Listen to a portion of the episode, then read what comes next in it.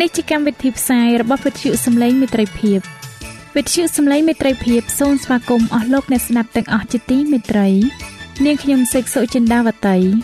ហើយខ្ញុំបាទអង្ចាន់វិជ្ជៈក៏សូមស្វាគមន៍លោកអ្នកស្ដាប់ទាំងអស់ផងដែរនៅពេលនេះយើងខ្ញុំមានសេចក្តីសុំមនស្សរីករាយដោយបានវិលមកជួបអស់លោកអ្នកនាងកញ្ញាអ្នកស្ដាប់សាជាថ្មីម្ដងទៀត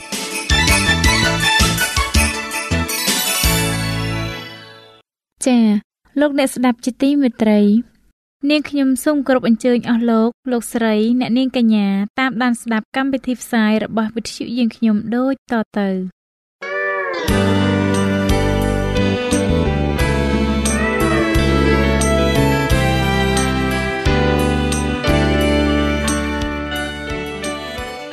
ព្រះបន្ទូលសម្រាប់អ្នកនៅថ្ងៃនេះព្រះគម្ពីរពេត្រុសទី1ចំពុក5ខ8បានចែងថា ចូលឲ្យដឹងខ្លួនហើយចាំយាមចុះ ព្រោះអារៈដែលជាខ្មាំងសត្រូវរបស់អ្នករាល់គ្នា វាតែងដើរក្រវ៉ាលទាំងក្រហមដូចជាសឹងដើម្បីនឹងរកអ្នកណាដែលវានឹងត្របាក់លេបបាន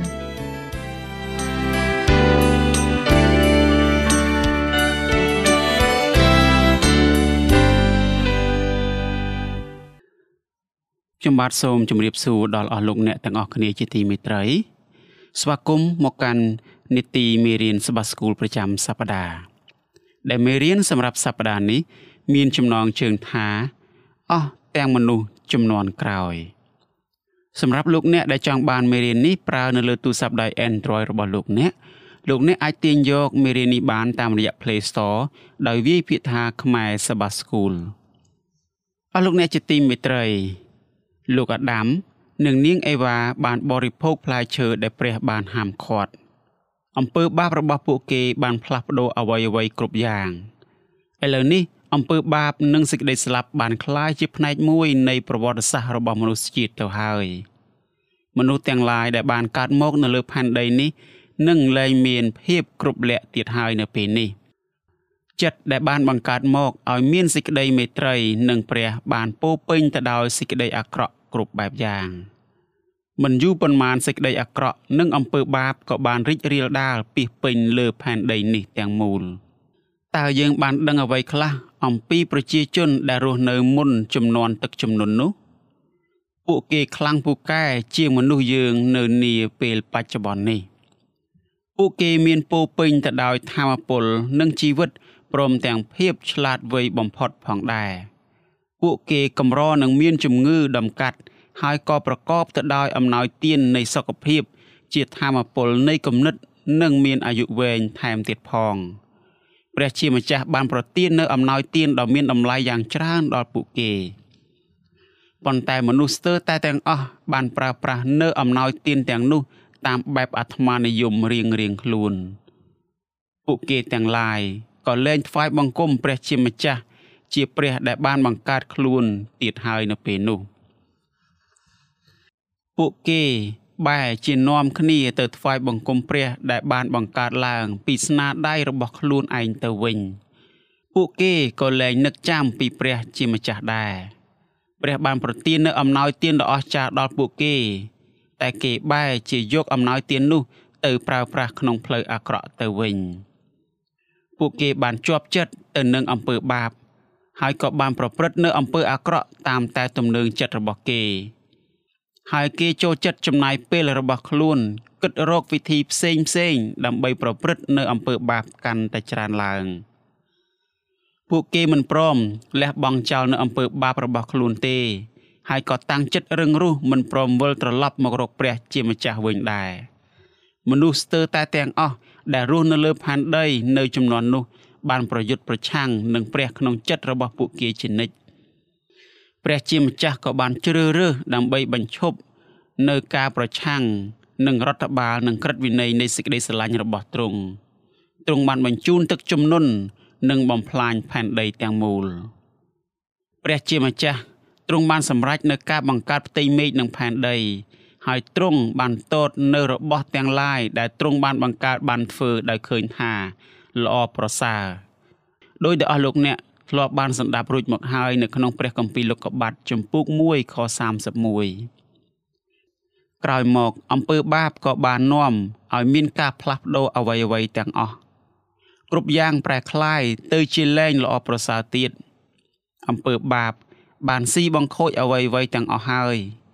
មានរឿងដ៏គួរឲ្យខ្លាចជាច្រើនបានកើតឡើង ហើយមនុស្សជាតិក៏ប្រែទៅជាប្រឆាំងនឹងព្រះ ព្រមទាំងបានធ្វើបាបកាន់តែច្រើនឡើងឥតគណនា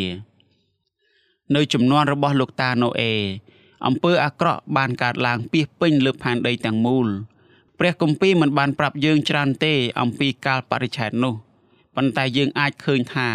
ព្រះជាម្ចាស់នឹងមិនអនុញ្ញាតឲ្យអំពើអាក្រក់ចេះតែបន្តកើតឡើងនោះឡើយតើអំពើអាក្រក់បានកើនឡើងយ៉ាងឆាប់រហ័សយ៉ាងដូចម្តេចទៅ ព្រះគម្ពីរលោកុបាតចំពុក3 ខ6ដល់ខ19បានចែងថាកាលស្ត្រីបានឃើញថាផ្លែឈើនោះបរិភោគបានក៏ជាទីគប់ដល់ភ្នែកហើយជាដើមដែលល្មមគួរនឹងចង់បាន ដើម្បីឲ្យបានប្រាជ្ញា នោះនាងក៏យកផ្លែមកបរិភោគព្រមទាំងចែកឲ្យដល់ប្តីដែរគាត់ក៏បរិភោគតាម នោះស្រាប់តែភ្នែករបស់អ្នកទាំងពីរបានភ្លឺឡើង ហើយគេដឹងខ្លួនថានៅជាអាក្រាត ក៏យកស្លឹកល្វាមកខ្លះធ្វើជាប្រដាប់ពឹងរួចមកបានលឺសំឡេងព្រះយេហូវ៉ាដ៏ជាព្រះ ដែលទ្រង់យាងក្នុងសួនច្បារនៅពេលថ្ងៃលហើយនោះអាដាមនិងប្រពន្ធគាត់ក៏ពួននឹងព្រះយេហូវ៉ាដ៏ជាព្រះនៅកណ្ដាលដើមឈើក្នុងសួនច្បារព្រះយេហូវ៉ាដ៏ជាព្រះទ្រង់ហៅរកអាដាមដោយព្រះបន្ទូលថាឯងនៅឯណាគាត់ទូលឆ្លើយថា ទូលបង្គំបានឮសំឡេងទ្រង់នៅក្នុងសួនច្បារក៏រត់ទៅពួន ដោយនឹកភ័យខ្លាច ពីព្រោះខ្លួននៅទទេ នោះព្រះយេហូវ៉ាទ្រង់មានព្រះបន្ទូលសួរថាតើអ្នកណាប្រាប់ឲ្យឯងដឹងថាឯងនៅខ្លួនទទេដូច្នេះតើឯងបានស៊ីផ្លែឈើដែលអញបានហាមមិនឲ្យស៊ីឬអីអាដាមទូលទ្រង់ថាស្ត្រីដែលទ្រង់បានប្រទានឲ្យនៅជាមួយនឹងទូលបង្គំ វាឲ្យផ្លែឈើនោះមកទូលបង្គំទូលបង្គំក៏ទទួលទានទៅរួចព្រះយេហូវ៉ាដ៏ជាព្រះទ្រង់មានព្រះបន្ទូលសួរទៅស្ត្រីថាឯងបានធ្វើអីដូច្នោះនាងទូលឆ្លើយថាពោះវាមកលបួងបញ្ឆោតខ្ញុំម្ចាស់ហើយខ្ញុំម្ចាស់បានទទួលទានរួចព្រះយេហូវ៉ាដ៏ជាព្រះទ្រង់មានព្រះបន្ទូលទៅពោះថាដោយព្រោះឯងបានធ្វើដូច្នេះ នោះនៅក្នុងអស់ទាំងពួកសត្វស្រុកសត្វព្រៃឯងជាសត្វត្រូវបណ្ដាសាហើយ គឺឯងត្រូវលូនតែនឹងពោះហើយត្រូវស៊ីធូលីដីអស់មួយជីវិតអញនឹងធ្វើឲ្យឯងហើយនឹងស្ត្រី គឺទាំងពូជឯងនិងពូជនាងមានសេចក្តីខ្មាំងនឹងគ្នាពូជនាងនឹងកិនក្បាលឯងហើយឯងនឹងចឹកកែងជើងគេទ្រង់ក៏មានព្រះបន្ទូលទៅស្ត្រីវិញថាអញ នឹងចម្រើនឲ្យឯងមានសេចក្តីព្រួយលំបាកជាច្រើនឡើង ក្នុងវេលាដែលមានផ្ទៃពោះឯងនឹងបង្កើតកូនដោយឈឺចាប់ចិត្តឯងនឹងប្រាថ្នាខាងឯប្តីហើយប្តីនឹងត្រួតត្រាលើឯងរួចទ្រង់ក៏មានព្រះបន្ទូលទៅអាដាមថា ដោយព្រោះឯងបានស្ដាប់តាមប្រពន្ធឯងហើយស៊ីផ្លែឈើនោះ ដែលអញបានហាមមិនឲ្យស៊ីឡើយនោះដីត្រូវបណ្ដាសាដោយព្រោះឯង ឯងត្រូវរកស៊ីពីដីដោយនឿយហត់អស់មួយជីវិត ដីនឹងដោះជាបន្លាហើយនឹងអញ្ចាញឲ្យឯងឯងត្រូវស៊ីអស់ទាំងទិន្នជាតិដែលដោះនៅស្រែចម្ការឯងនឹងបានអាហារស៊ីដោយការបែកញើសដល់រាបដល់ឯងត្រឡប់ទៅជាដីវិញ ពីព្រោះអញបានយកឯងពីដីមកត្បិតឯងជាធូលីដីក៏ត្រូវត្រឡប់ទៅជាធូលីដីវិញ អស់លោកអ្នកជាទីមេត្រី ការកើនឡើងនៃអំពើអាក្រក់មានមូលហេតុរបស់វា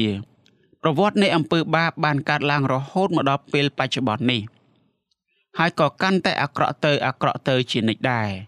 នេះជារបៀបដែលបាបបានបង្កឡើងអំពើបាបមិនដូចជាមុខរបួសនោះទេ ព្រោះថានៅពេលដែលយើងមានមុខរបួសនោះកោសិកាស្បែករបស់យើងនឹងចាប់ផ្ដើមព្យាបាលមុខរបួសនោះភ្លាម យ៉ាងណាមិញអំពើបាប មិនប្រព្រឹត្តទៅតាមរបៀបនេះនោះទេ ប្រសិនបើយើងម្នាក់ម្នាក់មិនអើពើនឹងអំពើបាបនោះទេ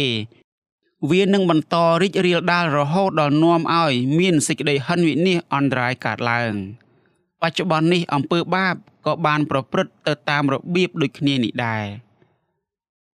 លោកអ្នកមិនចាំបាច់ឆ្ងល់នោះទេ ព្រះជាម្ចាស់ទ្រង់ស្អប់អំពើបាបជាទីបំផុត ហើយមិនយូរមិនឆាប់ទេទ្រង់នឹងបញ្ចប់វាហើយ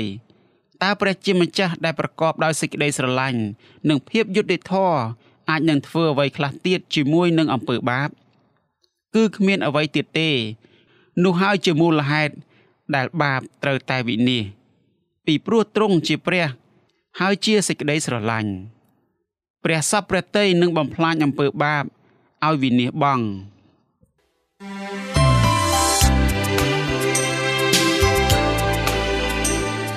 សេចក្តីជំនឿកើតឡើងដោយលឺហើយដែលលឺនោះគឺដោយសារព្រះបន្ទូលនៃព្រះ តាមរយៈវិទ្យុសំឡេងមិត្តភាព AWR អស់លោកអ្នកជាទីមេត្រីហើយក្នុងពេលជាមួយគ្នានេះទ្រង់ក៏ចង់ជួយសង្គ្រោះមនុស្សមានបាបដែរនោះហើយជាលក្ខណៈនៃសេចក្តីសញ្ញារបស់ទ្រង់មុនពេលទឹកជំនន់ផែនដីពោពេញទៅដោយមនុស្សមានបាប និងមនុស្សអាក្រក់នៅគ្រប់ទីកន្លែងទាំងអស់ប៉ុន្តែមានបុគ្គលម្នាក់ដែលមានលក្ខណៈខុសពីមនុស្សទាំងអស់នៅក្នុងចំនួននោះបរោះនោះឈ្មោះថាណូអេព្រះគម្ពីរលោកកបាត់ចំពុក6ខ9បានប្រាប់យើងថានេះជាពងសាវតារបស់ណូអេគាត់ជាអ្នកសុចរិតហើយគ្រប់លក្ខនៅក្នុងដំណរវងខ្លួនគាត់ក៏ដើរជាមួយនឹងព្រះតើខគម្ពីរនេះប្រាប់យើងយ៉ាងដូចម្ដេចអំពីលោកណូអេ អស់លោកអ្នកជាទីមេត្រីលោកណូអេបានចាត់ទុកព្រះជាម្ចាស់ថាជាព្រះអង្គសង្គ្រោះផ្ទាល់ខ្លួនរបស់លោក លោកគឺជាមនុស្សតែម្នាក់គត់ដែលព្រះជាម្ចាស់អាចទុកចិត្តបាន លោកណូអេនឹងស្ដាប់បង្គាប់ទ្រង់ប្រព្រឹត្តតាមទ្រង់និងទុកចិត្តលើទ្រង់គ្រប់ពេលវេលានោះហើយជាមូលហេតុដែលព្រះជាម្ចាស់អាចប្រើប្រាស់លោកណូអេដើម្បីសាងសង់ទូក នៅក្នុងព្រះគម្ពីរសញ្ញាថ្មីលោកពេត្រុស បានដាក់ឈ្មោះលោកតាណូអេថាជាអ្នកប្រកាសប្រាប់ពីសេចក្តីសុចរិតដែលមានចែងនៅក្នុងព្រះគម្ពីរពេត្រុសខ្សែទី2ជំពូក2ខ5ព្រះគម្ពីរលោកុបាទជំពូក6ខ5ដល់ខ8ព្រះជាម្ចាស់បានទតឃើញថាមនុស្សលោកនាំគ្នាប្រព្រឹត្តអំពើអាក្រក់កាន់តែច្រើនឡើងច្រើនឡើង នៅលើផែនដី ហើយពីព្រឹកដល់ល្ងាច ចិត្តរបស់គេចេះតែលំអៀងទៅប្រព្រឹត្តអំពើអាក្រក់ព្រះអម្ចាស់នឹកស្ដាយដោយបានបង្កើតមនុស្សមកនៅលើផែនដីនេះ ហើយព្រះអង្គព្រួយព្រះハរតីព្រះអម្ចាស់មានព្រះបន្ទូលថា យើងនឹងលុបបំបាត់មនុស្សលោកដែលយើងបានបង្កើតមកឲ្យអស់ពីផែនដី គឺចាប់តាំងពីមនុស្សរហូតដល់សត្វស្រុក ចាប់តាំងពីសត្វលូនវារហូតដល់សត្វដែលហើរនៅលើមេឃ ត្បិតយើងស្ដាយដោយបានបង្កើតគេមកប៉ុន្តែព្រះអម្ចាស់ក៏ព្រះハរតីនឹងលោកណូអេតើខគម្ពីរនេះ ជួយយើងឲ្យយល់អំពីទំនាក់ទំនងយ៉ាងពិសេសរវាងលោកតាណូអេនិងព្រះជាម្ចាស់យ៉ាងដូចម្ដេចទៅអស់លោកអ្នកជាទីមេត្រីនេះជាលើកដំបូងហើយដែលយើងឃើញពាក្យថាគបព្រះハរតីនៅក្នុងព្រះគម្ពីរ គឺមាននៅក្នុងព្រះគម្ពីរលោកុបាតជំពូក6ខ8នេះតែម្ដងពាក្យថាគបព្រះハរតីនៅក្នុងព្រះគម្ពីរសញ្ញាចាស់មានអត្ថន័យដូចគ្នាទៅនឹងព្រះគម្ពីរសញ្ញាថ្មីដែរពាក្យមួយទៀតសម្រាប់ប្រើជំនួសឲ្យពាក្យគបព្រះハរតីគឺព្រះគុណព្រះគុណឬការពេញចិត្តគឺជាអំណោយនៃសេចក្តីមេត្តាករុណាពីព្រះជាម្ចាស់ដល់មនុស្សមានបាប ព្រះជាម្ចាស់បានប្រទានអំណោយទាននៃសេចក្តីមេត្តាករុណារបស់ទ្រង់ដើម្បីអត់ទោសចំពោះអំពើបាបរបស់យើងរាល់គ្នាយើងមិនអាចធ្វើអ្វីដើម្បីទទួលបាននូវការអត់ឱនទោសពីទ្រង់នោះឡើយយើងត្រូវតែទទួលយកវា ដោយសេចក្តីជំនឿនិងឥតគិតថ្លៃឡើយលោកអ្នកចាំទេ លោកតាណូអេគាត់ជាមនុស្សសុចរិតប៉ុន្តែគាត់ក៏ជាមនុស្សមានបាបដែលត្រូវការព្រះគុណផងដែរដូច្នេះ លោកតាណូអេមិនខុសអ្វីពីយើងរាល់គ្នានៅពេលបច្ចុប្បន្ននោះទេ ដែលព្យាយាមដើរតាមព្រះជាម្ចាស់យ៉ាងអស់ពីចិត្តនោះព្រះគម្ពីរលោកុបាទចំពុក6ខ18បានចែងថា តែអញនឹងតាំងសេចក្តីសញ្ញាអញចំពោះឯងហើយឯងនឹងចូលទៅក្នុងទូកធំនោះព្រមទាំងប្រពន្ធកូន និងកូនប្រសាឯងជាមួយនឹងឯងដែរ ខព្រះគម្ពីរនេះបង្ហាញយើងពីផ្នែកសំខាន់សំខាន់នៃសេចក្តីសញ្ញាដែលព្រះបានតាំងឡើងជាមួយនឹងមនុស្សព្រះជាម្ចាស់និងមនុស្សបានតាំងសេចក្តីសញ្ញានេះជាមួយគ្នាតើការនេះសាមញ្ញណាស់មែនទេមែនហើយប៉ុន្តែនៅមានរឿងលើសជាងនេះទៅទៀតចំពោះសេចក្តីសញ្ញានេះព្រះគម្ពីរលោកុបាតចំពុក6ខ18បង្ហាញយើងថាសេចក្តីសញ្ញានេះ ត្រូវរួមបញ្ចូល ទាំងការគោរពប្រណិប័តរបស់មនុស្សផងដែរព្រះជាម្ចាស់បានមានបន្ទូលទៅកាន់លោកតាណូអេថា លោកនិងក្រុមគ្រួសាររបស់លោកត្រូវតែចូលទៅក្នុងទូកនោះដូច្នេះពួកគេម្នាក់ម្នាក់មានចំណែកដែលត្រូវធ្វើរៀងរៀងខ្លួនប្រសិនបើពួកគេមិនបានបំពេញតាមផ្នែករបស់ខ្លួនទេនោះ ពួកគេនឹងរំលោភនៅសេចក្តីសញ្ញានោះហើយចុះតើនឹងមានអ្វីកើតឡើង ប្រសិនបើលោកតាណូអេបានបដិសេធចំពោះព្រះវិញនោះ ហើយចុះវានឹងទៅជាយ៉ាងណាទៅ ប្រសិនបើលោកតាណូអេយល់ព្រមនឹងព្រះប៉ុន្តែក្រោយមកបែរជាផ្លាស់ប្ដូរគំនិតរបស់គាត់ទៅវិញតើលោកអ្នកគិតថានឹងមានអ្វីកើតឡើងចំពោះលោកតាណូអេនិងក្រុមគ្រួសារទាំងមូលរបស់គាត់អស់លោកអ្នកជាទីមេត្រីព្រះបានមានបន្ទូលថាសេចក្តីសញ្ញានេះគឺជាសេចក្តីសញ្ញារបស់អញ តើពាក្យថាអញបង្ហាញអ្វីខ្លះអំពីសេចក្តីសញ្ញាជាមួយព្រះចុះយ៉ាងណាណប្រសិនបើព្រះដាក់ឈ្មោះសេចក្តីសញ្ញានេះថាជាសេចក្តីសញ្ញារបស់យើងវិញនោះតើវានឹងធ្វើឲ្យរឿងនេះខុសគ្នាយ៉ាងដូចម្ដេចហេតុអ្វីបានជាការដែលព្រះមានបន្ទូលថាសេចក្តីសញ្ញានេះគឺជាសេចក្តីសញ្ញារបស់ទ្រង់ជាការសំខាន់ម្ល៉េះអស់លោកអ្នកជាទីមេត្រី សេចក្តីសញ្ញាជាមួយព្រះ គឺតែងតែធ្វើឡើងរវាងព្រះហើយនិងមនុស្សពាក្យថារបស់អញជួយយើងឲ្យឃើញថាព្រះកំពុងតែបង្ហាញដល់លោកតាណូអេនៅការពេញព្រះハរតីឬការប្រកបដោយព្រះគុណរបស់ទ្រង់ហើយព្រះគុណគឺជាអំណោយនៃសេចក្តីមេត្តាករុណាដែលព្រះបានប្រទានដល់មនុស្សមានបាបគ្រប់គ្នាព្រះជាម្ចាស់បានប្រទាននូវអំណោយទាននៃសេចក្តីមេត្តាករុណារបស់ទ្រង់ ដើម្បីអត់ទោសចំពោះអំពើបាបនៃយើងរាល់គ្នាដូច្នេះហើយពាក្យថាអញជួយឲ្យយើងយល់បានថាសេចក្តីសញ្ញានេះមិនមែនធ្វើឡើងរវាងបុគ្គលពីរនាក់ដែលមានភាពស្មើគ្នានោះទេ មនុស្សមិនអាចស្មើនឹងព្រះបានឡើយព្រះមិនចាំបាច់ពឹងផ្អែកលើយើងក្នុងការសម្រេចផែនការទាំងអស់នោះទេ នោះហើយជាមូលហេតុដែលសេចក្តីសញ្ញា គឺជារបស់ផងទ្រង់ ហើយមិនមែនជារបស់យើងនោះទេ លោកអ្នកអាចចោទសួរថាប៉ុន្តែតើព្រះទទួលបានអ្វីមួយពីសេចក្តីសញ្ញានេះមែនទេ មិនមែនតាមរបៀបដែលយើងសម្រេចការនោះទេ ព្រះជាម្ចាស់អាចប្រទាននូវអំណោយទានជាជីវិតដ៏អស្ចារ្យជានិច្ចដល់យើងរាល់គ្នា កាលណាយើងព្រមទទួលយកនូវសេចក្តីសញ្ញារបស់ទ្រង់សេចក្តីសង្គ្រោះរបស់យើងរាល់គ្នា ធ្វើឲ្យព្រះជាម្ចាស់សពព្រះハរតីដោយដែលមានចែងនៅក្នុងព្រះគម្ពីរអេសាយជំពូក53ខ11ប៉ុន្តែសេចក្តីអំណរដែលព្រះទទួលបានពីការសង្គ្រោះរបស់យើងរាល់គ្នាមិនដូចគ្នានឹងអ្វីដែលព្រះទទួលពីសេចក្តីសញ្ញានោះទេ នេះជារឿងប្រៀបប្រដូចមួយ ដើម្បីជួយពន្យល់នៅសេចក្តីសញ្ញានេះ មានបរិសម្នាក់ធ្លាក់ពីលើទូក នៅពេលមានខ្យល់ព្យុះកើតឡើង មានអ្នកខ្លះនៅលើទូកនិយាយថា គេនឹងបោះខ្សែពួរឲ្យទៅបរិសម្នាក់ដែលធ្លាក់ទឹកនោះប៉ុន្តែបរោះដែលនៅក្នុងទឹកត្រូវតែយល់ព្រមតោងខ្សែពួរនោះឲ្យជាប់ នោះហើយជារបៀបដែលសេចក្តីសញ្ញារវាងព្រះនិងមនុស្សមានបាបដំណើរការឡើងយើងរាល់គ្នាត្រូវតែទទួលយកនៅអ្វីដែលព្រះជាម្ចាស់ប្រទានមកឲ្យយើងដើម្បីសង្គ្រោះយើងនោះដែរ ព្រះជាម្ចាស់ទ្រង់បានមានបន្ទូលនៅក្នុងព្រះគម្ពីរលោកុបាទចំពុក9ខ12ដល់ខ13យ៉ាងដូចនេះថានេះជាទីសម្គាល់នៃសេចក្តីសញ្ញាដែលអញតាំងនឹងឯងរាល់គ្នា ហើយនឹងគ្រប់ជីវិតទាំងឡាយដែលនៅជាមួយនឹងឯងនៅអស់ទាំងដំណរអស់កលជានិច្ចគឺអញដាក់ធ្នូរបស់អញនៅនីពពកនោះហើយជាទីសម្គាល់នៃសេចក្តីសញ្ញាដែលអញតាំងនឹងផែនដី អស់លោកអ្នកជាទីមេត្រី មានរបស់តិចតួចណាស់នៅក្នុងធម្មជាតិដែលមានសម្រស់ស្រស់ស្អាតជាងអិនធនូនោះតើលោកអ្នកនៅចាំអន្តនូដំបងដែលលោកអ្នកបានឃើញកាលពីលោកអ្នកនៅក្មេងដែរឬទេ ហើយសំបីតែមនុស្សធំពេញវ័យហើយក៏ដោយក៏ចិត្តរបស់យើងមានពោពេញទៅដោយភាពស្ញប់ស្ញែងនៅពេលដែលយើងបានឃើញពណ៌ដ៏ស្រស់ស្អាតទាំងអស់របស់អន្តនូនៅក្នុងពពកនោះដែរដូច្នេះ មិនចាំបាច់ឆ្ងល់នោះទេសប្តាហ៍ថ្ងៃនេះ មានមនុស្សជាច្រើន បានប្រើប្រាស់អន្តនូជានិមិត្តរូបសម្រាប់របស់ជាច្រើន នៅក្នុងព្រះគម្ពីរលោកុបាទជំពូក9ខ12ដល់ខ17បានចែងថា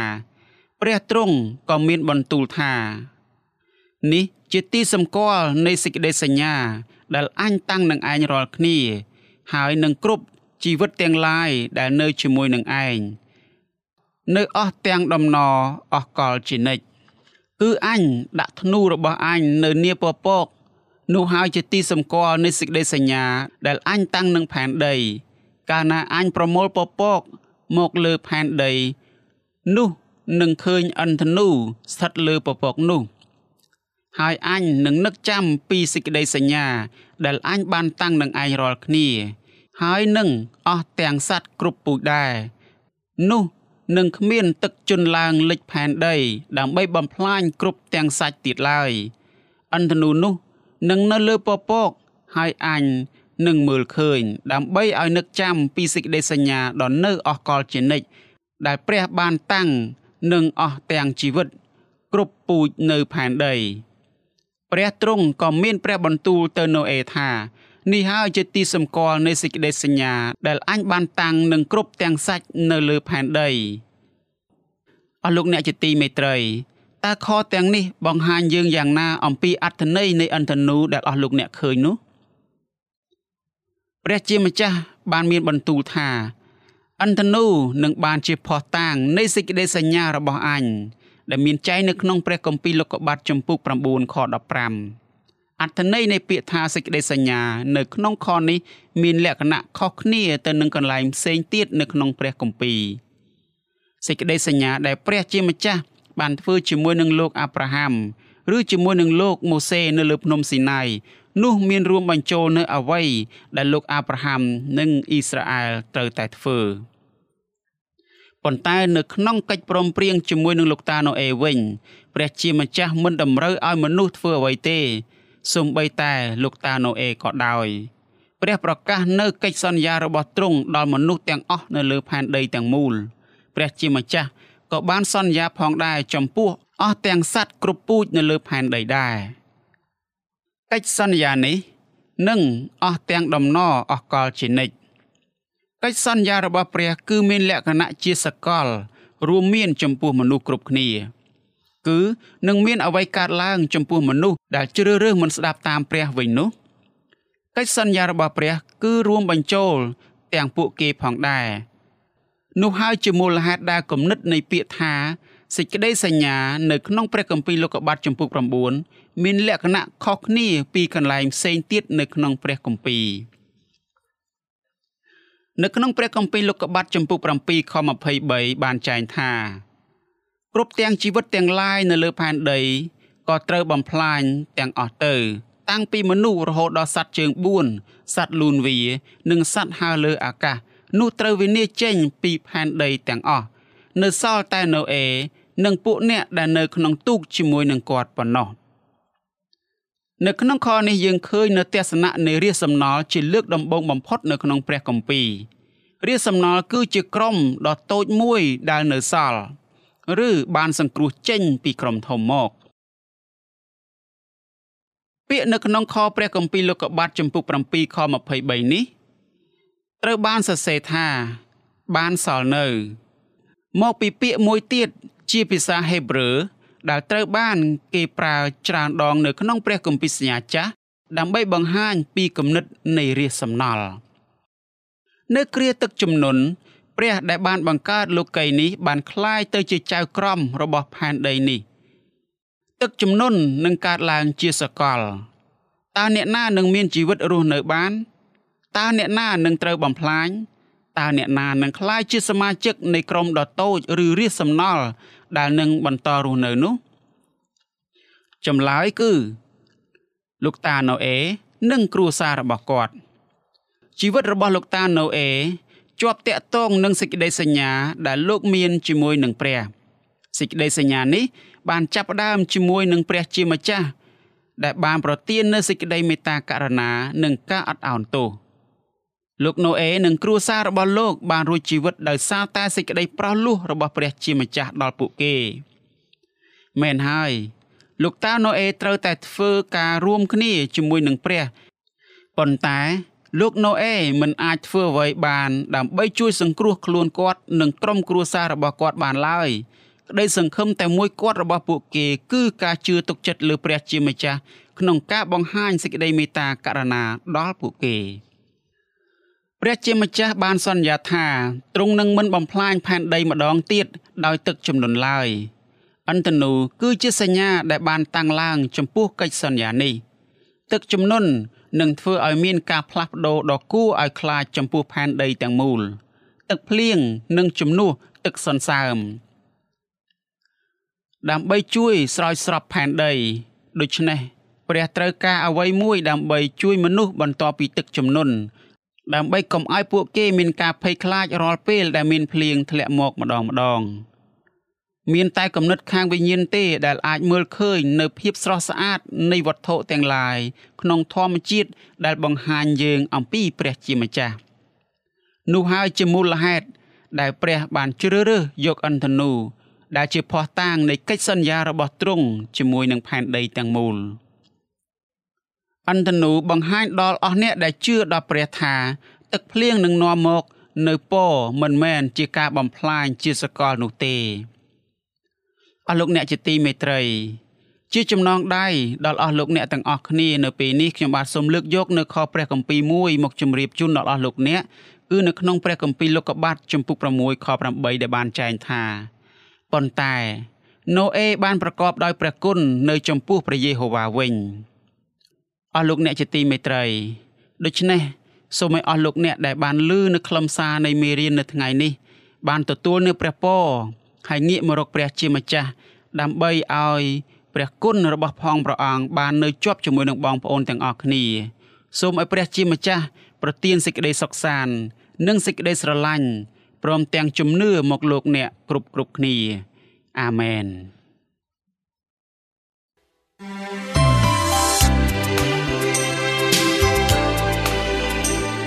វិទ្យុសំឡេងមេត្រីភាព AWR មានផ្សាយពីរដងក្នុងមួយថ្ងៃ គឺព្រឹកនៅម៉ោង6និងពេលយប់នៅម៉ោង8